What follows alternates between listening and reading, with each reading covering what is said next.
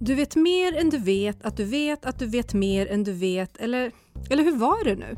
Föreläsaren Christer Olsson reder ut det och peppar dig i ditt jobbsökande i det här avsnittet. Det här är Arbetsförmedlingens jobbpodd. Jag heter Priya Eklund. Välkommen hit Christer. Tack så hemskt mycket. Jag är väldigt ärad över att få komma. Ja, och jag tycker att det är så kul att du ville ställa upp på det här, för att jag vet att du har så många verktyg och så många insikter att komma med som kan, ja, men som kan gagna våra lyssnare. Tack. Och du är ju en eh, stor föreläsare och eh, jag vet ju dock att du har en annan bakgrund sedan tidigare där du har jobbat mycket med långtidsarbetslösa. Stämmer. Vill du berätta lite kort ja, om det? Jättegärna. Det var faktiskt så allting började för mig som, som föreläsare eller utbildare och konsult. Jag, jag började jobba i Göteborg med, eh, och hade en affärsidé och, och jobbade mot långtidsarbetslösa. Så hela min grundpedagogik och, och väldigt mycket av den skola jag fick som pedagog och, och, och som utbildare. Jag hade 15 dagars utbildningar på den tiden då för 25 år sedan mot just långtidsarbetslösa. Eh, så de gav mig så oerhört mycket, lärde mig så mycket. Eh, och jag lärde mig väldigt mycket tillsammans med dem och det, därför är det särskilt roligt att få vara här och liksom möta dem igen via din podd. Mm. Ja, men kul! Att, som du själv sa, då, målgruppen är ju personer som söker arbete. Ja. Och eh, har man varit arbetssökande så vet man att det tar väldigt mycket på kraft, det tar energi. Men framförallt så sätter det sig oftast på en själv som person. Ja. Du tappar självförtroendet, tappar självkänslan. Det kan vara att du, du söker jättemånga jobb, du får inte ens svar. Ehm, och du kanske kommer på intervju, nej men så fick du inte jobbet. Och någonstans börjar man ju tvivla på sig själv. Ja. Och där vet jag att du brukar säga då, man, jag tänker att det börjar bli farligt när man börjar tvivla på sina egna kunskaper och sina egna förmågor. Ja. Och du säger något, nu, nu är det här en jättelång grej. Du vet mer än du tror att du vet. Och sen, har jag, sen så brukar jag snurra till ja, det. Ja, precis. Nej, och jag säger det och vi kan utveckla det att du vet mer än du vet att du vet. Men risken är att du tror att du bara vet det du vet att du vet och då får du aldrig reda på hur mycket du vet men inte vet att du vet. Och den är inte lätt att, att ta efter. Men det, det, och det är det, det är faktiskt just det som var utgångspunkten för mitt möte med det. var det jag lärde mig när jag satt med de långtidsarbetslösa. För de, jag mötte ju de som hade precis den känslan som du beskriver. Och jag, jag, jag jämförde ofta det med att bjuda upp på en dansrestaurang eller på en ett diskotek hette det på den tiden. Eh, och att man bjuder upp och så får man nej, det är väl inget konstigt. Så bjuder man upp igen, får nej, heller inget konstigt. Bjuder upp, får nej en tredje gång och nu börjar man undra, eh, precis som du beskrev, är det något fel på mig? Eh, och så bjuder man upp igen. Och nu är det, då, då är det risk att man luktar sig under armen. Liksom. Är det, vad, vad, och då börjar man titta på sig själv och säga, nej det här, det här känns inte bra. Det liksom, varför, de, de andra dansar ju faktiskt, dansgolvet är fullt av folk. Men det är ingen som vill dansa med mig. Eh, och då är risken att man går och ställer sig i baren som jag brukar säga som metafor och säger liksom när, när jag slutar att bjuda upp, jag vill inte söka fler jobb för jag, jag känner mig bara sårad. Eh, är det någon som vill dansa får de komma hit, jag står här i baren. Och det är väldigt mänskligt, jag har djup förståelse för den liksom, processen samtidigt som vi intellektuellt kan liksom, förmedla liksom, att nej men så är det ju inte. Du är inte. De säger inte nej till dig som person och det är ingen liksom, utseendetävlan som det kan vara på en danskrog. Utan det är faktiskt att du råkade ju i de här sammanhangen inte vara liksom, den match som de sökte. Eh, och det är inget konstigt. Och, och med det som utgångspunkt så skapade vi sedan en pedagogik som jag fortfarande är väldigt road av. Mm. Men hur tar jag reda på det som jag inte vet, men som jag kanske vet att jag vet fast jag inte vet? Ja, jo, alltså det, det där är något jag brinner oerhört mycket för. För det, det är inte bara eh, arbetssökande utan den metodiken använder jag, eh, väl, alltså den är kopplad till det här imposter syndrom som oerhört många människor i vårt eh, hektiska arbetsliv idag lever, eh, lider av. Jag är inte så duktig som de tror, tänk om de kommer på mig. Och underlaget till den känslan, det är eh, brukar jag säga, nu får ni välja alla ni som lyssnar, eh, att jag gör förenklingar i ett sånt här format. Eh, men underlaget är eh, förenklat att jag inte reflekterar över min vardagsinlärning. Människor har inte längre tid att reflektera över sin vardagsinlärning. Och då är det så här att en oreflekterad erfarenhet är ingen erfarenhet. Okay. Den går nämligen från omedveten okunskap till omedveten kunskap utan att passera det medvetna. Alltså förr hade vi reflektionsytor, vi satt och samtalade, vi hade middag, gemensam middag. Vad gjorde du idag? Vad har du gjort på jobbet? Och jag har gjort det här. Och det var inte så att vi hade reflektionssamtal. Ännu längre tillbaka i tiden så hade vi lägerelden. Då berättade vi om jakten, vi berättade om jordbruket och vad som hade hänt idag. Och det blev en, alltså vi lärde oss av oss själva och varandra i ett samtal. Vi har inte tid för de samtalen längre, tror vi. Vi har rationaliserat bort dem, vi äter inte tillsammans för då ska någon ut och träna och någon ska göra det och barnen ska på, på ditten eller och har vi inte barn så är, så, så är det en massa andra aktiviteter. Eh, och och då, då blir det att när jag inte reflekterar så kommer hjärnan lär ju sig ändå saker. Men när jag inte medvetande gör mig om min vardagsinlärningsprocess så kommer jag lära mig en massa saker som jag inte vet att jag lär mig. Och konsekvensen blir att hjärnan har lärt mig en massa saker som man inte vet att den har lärt sig. Det innebär att den kan en massa saker som jag inte vet att den kan. Och Eh, om, om, vi då går rakt på den frågan, eh, ja, men hur ska man göra? Ja, för att säkerställa sig framåt, börja reflektera, vad har jag lärt mig idag? Men min det jag brann för och det jag jobbade väldigt mycket med när jag träffade, då när jag började för liksom över 20 år sedan och jobbade med långtidsarbetslösa, det var ju att de sa ju ofta till mig att ja men Christer jag är 45 år och, och, och eh, jag, har ingen utbildning och, och, eh, idag ska man vara akademiker och man ska ha liksom moderna liksom kunskaper och man ska vara digitaliserad och så vidare.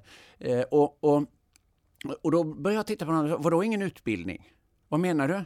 Ja, men jag har ingen utbildning. Ja, men det har du väl? Nej. Ja, men jag har ju knappt gått färdigt gymnasiet. Ja, men så det, har inte, det har inte med utbildning att göra. Vad du säger, du har ingen skolutbildning. Mm. Det köper jag. Men du har ju gått till livets universitet, min älskade vän. Alltså det bästa universitetet som finns, det vet alla pedagoger. Att, att lära av att göra mm, av och med varandra. Det är, själv, det är det som är lärandet. Du har bara inte medvetande gjort dig om allt det du har lärt dig i livet. Och, och, och, och då, då satte jag mig helt enkelt och så sa jag okej, okay, då, då, då, skapade jag en helt eh, egen modell. Och så sa jag, då, då tar vi liksom, jag gjorde tre kolumner. Och det uppmanar jag er som lyssnar. Det här är, den kan kännas lite abstrakt men det är en jättespännande övning. Eh, och så eh, ta, ta, tre papper, enkla, ännu enklare, men jag satt så hade jag, hade jag tre kolumner. Tar du tre papper, så på det ena pappret så skriver du helt enkelt händelser i livet. Vad har hänt dig i livet? Om du och jag skulle träffas så skulle jag sätta mig med dig så skulle jag säga berätta om ditt liv. Börja med skolan, vad hände sen? Eh, partners eh, av olika slag, eh, kanske barn, eh, resor, upplevelser, händelser. Du har råkat ut för saker och ting i livet, bra saker och dåliga saker. Eh, bara skit i om det är så kronologiskt brukar jag säga. Det är inte så himla noga om det är i ordning, men skriv upp alla händelser. Bara det kommer liksom ge, oh, herrejösses, det har hänt mycket i mitt liv. Det var en kommentar alla fäller liksom. Ja, det har jag faktiskt, man har varit med om en del i livet. Ja, det har du. Det, det, vi just nu definierar, det är alla lektioner, eller bara delar av alla lektioner du har gått i livets universitet. Så, så det var den ena kolumnen då, eller den ena liksom arket.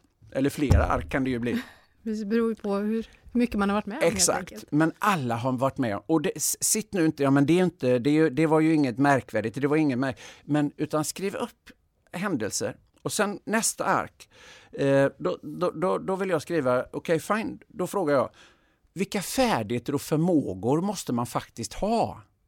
För att klara det du de facto har klarat. Du har gått igenom en skilsmässa, du har levt ensam med, med barn i liksom åtta år. Du har klarat det finansiellt, du har klarat det liksom, eh, psykiskt, du har klarat att vara en, ett för, en föredömlig liksom, mamma, pappa. Du har hanterat det, konflikter med din partner. Alltså det finns mängder av händelser som du har klarat. Du, du är en otroligt kapabel människa. Eh, du är alldeles för kritisk mot dig själv. Eh, och så börjar vi titta på, okej, okay, den här händelsen, vad har man för, ja du har, kris, du har en eh, suverän liksom, konflikt och krishanteringsförmåga. Du, har kommit, du, du lever ju uppenbart och du känns ju eh, liksom frisk och fräsch. Eh, även om du inte tycker att du mår bra för närvarande. Så, så du, du, du är ju här, du har klarat allt detta. Så vad, har du, vad, hade, vad, vad, vad, behöver man för färdighet och förmåga för att klara det du drabbades av på den här resan? Vad behöver man för färdighet och förmåga? Du har konflikthanteringsförmåga, du har uppenbart en uthållighet, du har en kommunikationsförmåga, du är lyhörd för andras behov, du har förmågan att hjälpa andra. Alltså, så skriver vi upp massor av färdigheter och förmågor mm. kopplat till alla de här livshändelserna. Och sen brukar jag då gå ut på ett tredje ark eller en tredje kolumn och så säga okej, okay, vilken kurs om du nu skulle gå den här skolan som du säger att du inte har, vilken kurs skulle du behöva gå för att lära dig de här färdiga, eh, färdigheterna och förmågorna? Ja, du skulle behöva gå en UGL-utbildning. Det finns en utbildning inom eh, liksom ledarskap där det handlar om just konflikthantering och rak feedback och så vidare. Det är det du har gett till dina barn här nu liksom i 14 år. Eh, du är grym på att ge feedback, helt uppenbart. För du har lyckats lotsa dem till att idag liksom vara fungerande människor med den variationsgrad vi alla har. Eh, och så tittar vi på det här, vilken kurs skulle man behöva gå? Ja, du har gått en feedbackutbildning som är helt grym. Du har gått en konflikthanteringsutbildning. Du har gått en personlig utvecklingskurs. Du har ju utvecklats från liksom det du beskrev att du var när du var 16 till den du är idag snacka om utveckling. Mm. Eh, och jag skulle kalla det tre veckor i personlig utveckling. Liksom det är ett arbetsläger du har gått på i personlig utveckling. Och så går vi ner och så säger vi okej, okay, du har alltså 48 poäng i livets universitet. Vad säger du att du inte har någon utbildning för? Det är ju helt fel. Just det. Och det är så då man får reda på det man inte vet, fast man vet att... Ja, ja. Jag kommer snurra till ja, det Det är då du får reda på allt som du vet, men inte vet att du vet. Det finns Just där det. inne i hjärnan. Ja men du vet inte om det. Men när du kommer att titta på de arken, när du, när du sätter, gör det med en god vän, eller när du sätter dig med det här liksom, och bara, bara göra det här, för det, det som händer är också att du, du kommer bara vis, att visualisera allt det du har varit med om i livet och liksom inte bara skriva ett CV, för det är alldeles för platt. Jag har jobbat där mellan den tiden och arbetsuppgifterna. Det är inte det jag är ute efter, utan jag är ute efter en inventering av händelser i ditt liv. Ja, för de händelserna kräver vissa egenskaper ja. för att man ska klara sig igenom det. Och ja. många arbetsgivare idag tittar ju väldigt, väldigt mycket på just personliga egenskaper, de här mjuka kompetenserna som man har. Och då de kan ju också vara svåra att se om man tänker ja. att nej, men de hårda kompetenserna funkar inte men, och jag känner mig värdelös som människa. Ja. Men du har ju otroligt mycket med dig så att då ja. är det viktigt att göra en inventering. Och som du sa där att faktiskt göra det tillsammans med någon för att sitter man själv Nej, kanske man kommer på två, tre saker. Oftast kan det också vara så här, nej, fast nej. Som, ja men nej, det här var ju inte intressant. Det här var inte intressant och det här var inte något stort. Men om man sitter tillsammans med någon som kanske till och med har varit med genom det här, så kan ju de säga att fast du betedde dig på det här sättet, det var ja. ju helt fantastiskt. Och du gjorde ju det här, mamma eller pappa, och du har ju varit med om det här och kommer du, ihåg, kommer du inte ihåg det och när din bror gjorde det, då hjälpte du till med det och när din syster hände där, då var du där och liksom. Mm. Ja, så är det. Och jag tänker också på många som har varit eh, eh, sjukskrivna, bland annat för utbrändhet. Eh, där är det många som säger så här, men jag har varit utbränd, ska jag säga det? Gör det om du vill, men vad är det du har lärt dig under den tiden? Ja. För att komma tillbaka från något sånt kräver ju också väldigt, väldigt mycket. Ja som man faktiskt har Absolut. som egenskap. Så att det går ju liksom att omsätta de här sakerna som, man, som har drabbat en till de här mjuka kompetenserna som kan vara bra på en arbetsplats. Absolut är det så. Mm. Alltså det, det, det, finns ju, alltså I USA finns det ju liksom en, en, en, en, kult, en, helt annan kultur. Alltså de ger ju ibland, i vissa miljöer ger de inte eh, ansvarsposter till människor som inte har misslyckats. För har du inte kunnat hantera ett misslyckande riskerar du att liksom hamna i panik om du hamnar i en, i en ny situation. Utan att hanterat ett misslyckande, gått igenom det och komma ut på andra sidan och har lärt sig någonting och har varit med om det. Det betraktas som en, en, en positiv erfarenhet. Och jag delar den uppfattningen att man får bedöma det från situation till situation, när, hur transparent man ska vara, även om min grundlag är alltid att vara helt transparent. Så, så, så, tror jag ändå man ska använda omdömet, i, för alla har inte samma eh, humanistiska liksom, syn. Precis. När jag då har fått reda på det jag inte vet, men vet att jag vet allt det här, ja. så, så kanske jag behöver sätta ett mål. Och det är jättemånga ja. som säger så här, men, ha ett mål och sen gör du en handlingsplan och sen så går du däråt. Men om jag inte ens vet vad jag har för mål, hur ska jag, hur ska jag tänka där? Har du några bra verktyg där? Liksom att komma på vilken riktning jag ska. Var ska jag? Ja, vart ska jag? Eh, och det här är ju ett av de stora dilemmana som jag stöter på hela tiden. Det här att, att eh, alla säger att man ska ha mål och, och ja, man måste vara måldriven och liksom eh, goal-getting och alltihopa. Det finns massor av termer kring det här och eh, vi, Karin Boye, och människan är faktiskt en målsökande varelse. Vi söker efter mål och mening i livet. Så det är faktiskt ganska viktigt. Eh, men jag, jag, får ju också den, liksom, jag möter ju jättemånga människor och, och gjorde ju också i de miljöerna, men jag gör, gör dagligdags i, i mitt arbete. Ja, men jag vet, alla säger att man ska veta vad man vill, men jag vet ju inte vad jag vill. Och då brukar jag alltid säga, men bra, då tycker jag du ska bli polis. Ja, vad menar du? Nej, jag tror att det är ett väldigt meningsfullt, spännande och roligt jobb. Det, man kan hjälpa människor i utsatta situationer, jag tror det är ett bra jobb. Ja, nej, men det, det kan jag faktiskt inte tänka mig. Nähä, okej. Okay. Men då tycker jag det, militär tror jag också är meningsfullt. Liksom, eh, militär då? Nej, det kan jag eh, absolut inte tänka mig. Nähä, okay. Eh, vakt? Nej, men vad håller du på med? Nej, jag, jag, bara, jag bara försöker bara liksom hjälpa dig. Du sa att du inte vet vad du vill. Eh, men vad, vad tror du om läkare då? Nej, men läkare, ja, men sköterska, nej, nej, jag tål inte blod, nej, nej, vården kan jag inte tänka mig. Eh, Okej. Okay. Eh, chaufför, vad tror du om det? Nej, men vad håller du på med, Christer? Ja, men, och, och, då, då, för, då, då, så, nej, men, alltså, jag, jag skulle snarare vilja säga tvärtom, vad håller du på med? Du sa alldeles nyss till mig att du inte vet vad du vill. Men du har tydligen väldigt bra koll på vad du inte vill. Precis. Ja, och det, då går jag den vägen när jag sitter med en människa. Men låt oss titta då på en lång lista, det har ju ni liksom på Arbetsförmedlingen. Liksom. Ja. Kan du tänka dig den här sektorn, det här jobbet, det här jobbet. Alltså att, att pröva, liksom, var får du energi? Nej, men det här skulle jag kunna tänka mig. För ofta blir det en sektor Nej, men inom vården eller inom liksom, ja, militär, polis, vakt, liksom det här, liksom, den, det är en form av vårdyrken det också på sitt sätt. Eh, eh, och, eller liksom industri eller verkstad eller restaurang eller det finns massor av områden. Att hitta sin sektor. Och sen tror jag ju på att när jag väl hittar min sektor, jag, jag, jag pratar väldigt mycket om att vara prövande, lärande och levande. Så du, kommer, du kommer aldrig att få reda på, liksom, du kan inte sitta och tänka dig till vad du vill. Utan hitta en sektor och så börja där mm. och jobba dig fram. Du kommer inte att hitta det där, liksom, det där rätta jobbet för dig. Ja, men jag känner inte att det här är rätt jobb. Nähä. Nej, men pröva, ta ett annat då. Och så pröva.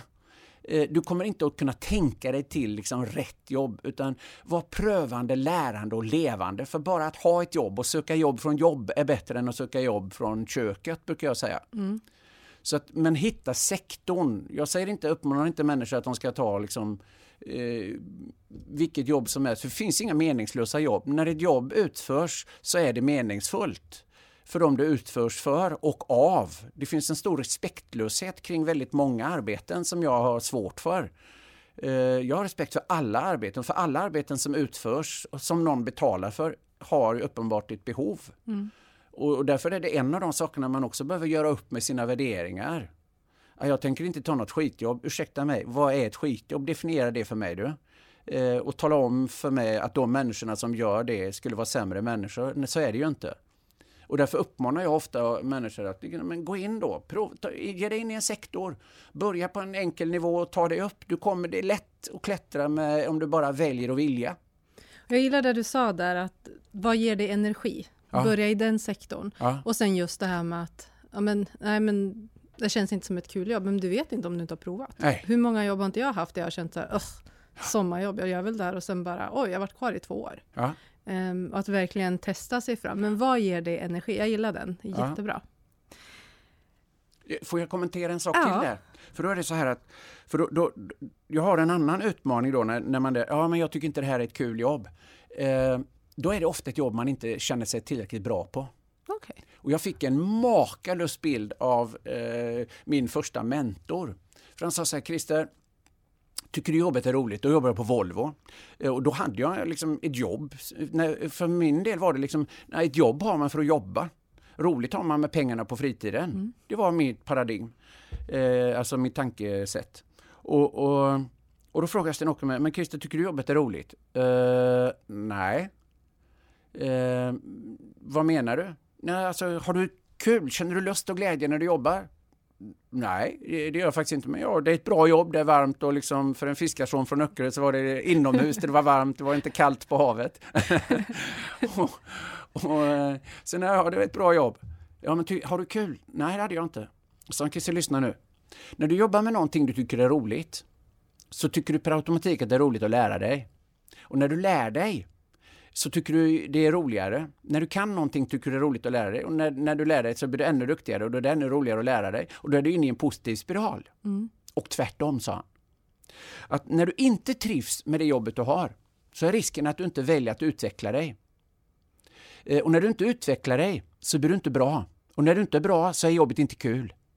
Och när jobbet inte är kul så utvecklar du dig inte. Och då sitter du fast där du inte vill vara. För så, lägg märke till en sak. Vem är det som får nya jobb? Jo, det är de som kan och gillar de jobben de har. Just det.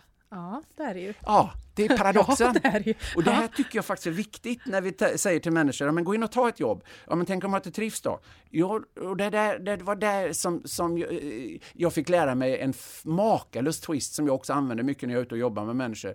Eh, om du trivs, alltså paradoxen är att de som trivs med sitt jobb, de, liksom, de är glada, de är socialt attraktiva och de liksom gör ett bra jobb och de lär sig på jobbet och, och de får nya jobb. Medan de som inte trivs, de sitter fast där de inte vill vara.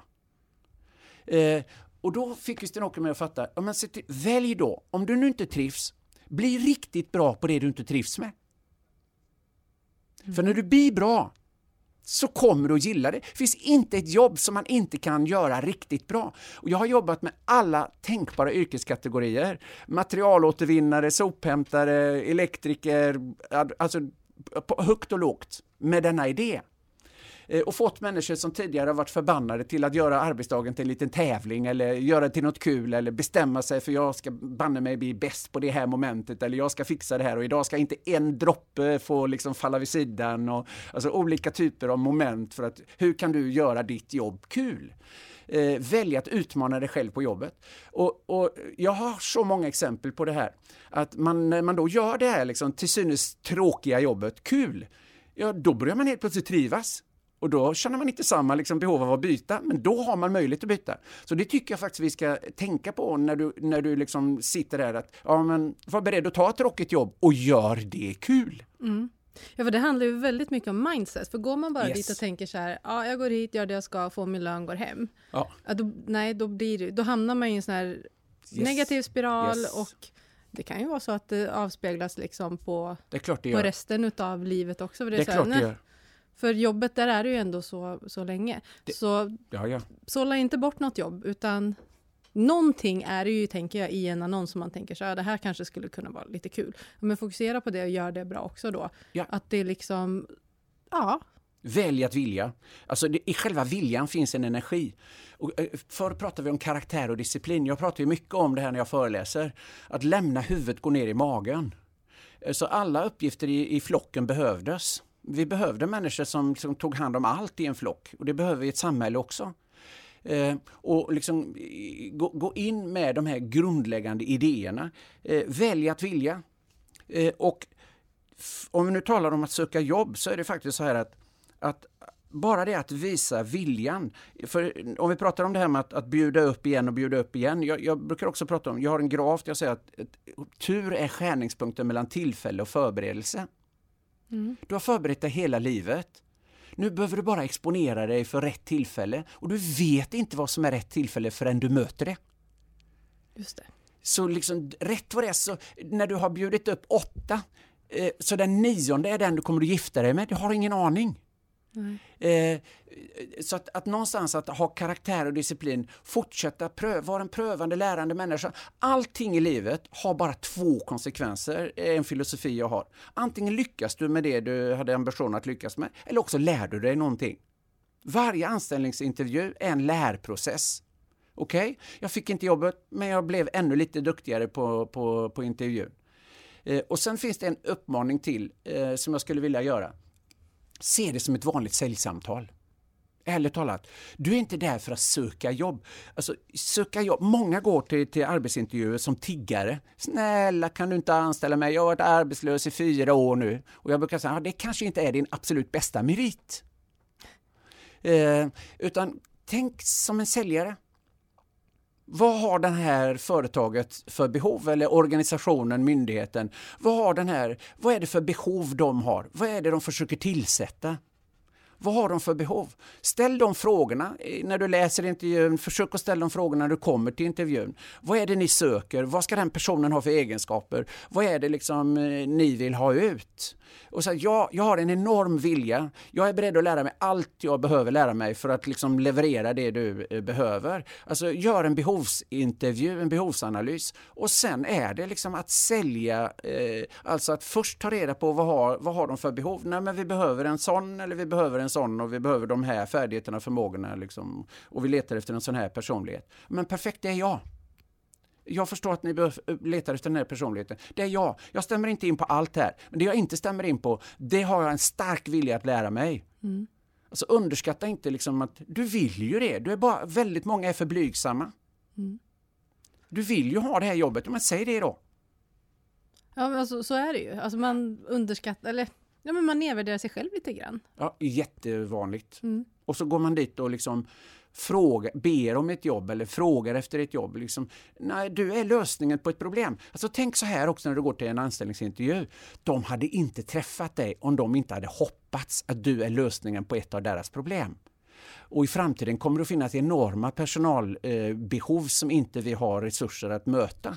Så du är lösningen på ett problem. De hoppas när du går dit att du ska vara lösningen på ett problem på samma sätt som du hoppas det. Men du är inte alltid det, såklart. Så, så är, det är samma för mig som konsult. Jag, menar, jag har massor av konkurrenter som tar massor av jobb som jag gärna hade gjort. Så är livet. Men jag har tillräckligt många liksom som vill ha just mig för att jag ska kunna leva ett, ett, ett väldigt meningsfullt liv och få träffa jättemånga spännande människor att lära av. Och så är det för dig som arbetssökande också. Det är, inte, det är inget fel på dig, du var bara ingen perfect match. Du är ingen perfect match med alla människor på gatan heller, du kan inte gifta dig med alla.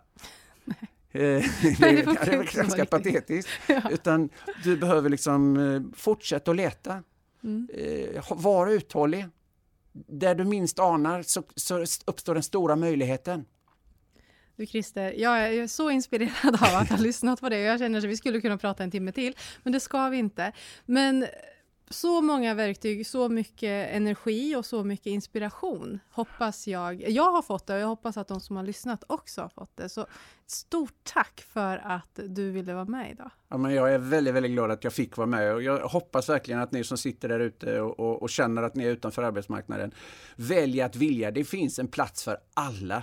Du behövs, du är värdefull och kom framförallt ihåg, du är så dramatiskt mycket mer kapabel, kompetent, duglig, duktig än vad du själv anar. Det finns ingen människa som pratar så mycket skit om dig själv som du. Sluta med det titta dig i spegeln och säga jag är faktiskt väldigt bra. Jag har klarat allt i livet hit. Så kommer det här att lösa sig. Tack. Tack för att jag fick vara med. Du har lyssnat på Arbetsförmedlingens jobbpodd med mig Priya Eklund och veckans gäst Christer Olsson. Inspelningsansvarig var Roger Svanell. Om två veckor är jobbpodden tillbaka och då berättar Anna Åslund om var du hittar de dolda jobben. Det vill du inte missa. Har du tips, frågor eller funderingar? Mejla oss på podcastetarbetsförmedlingen.se. Vi hörs!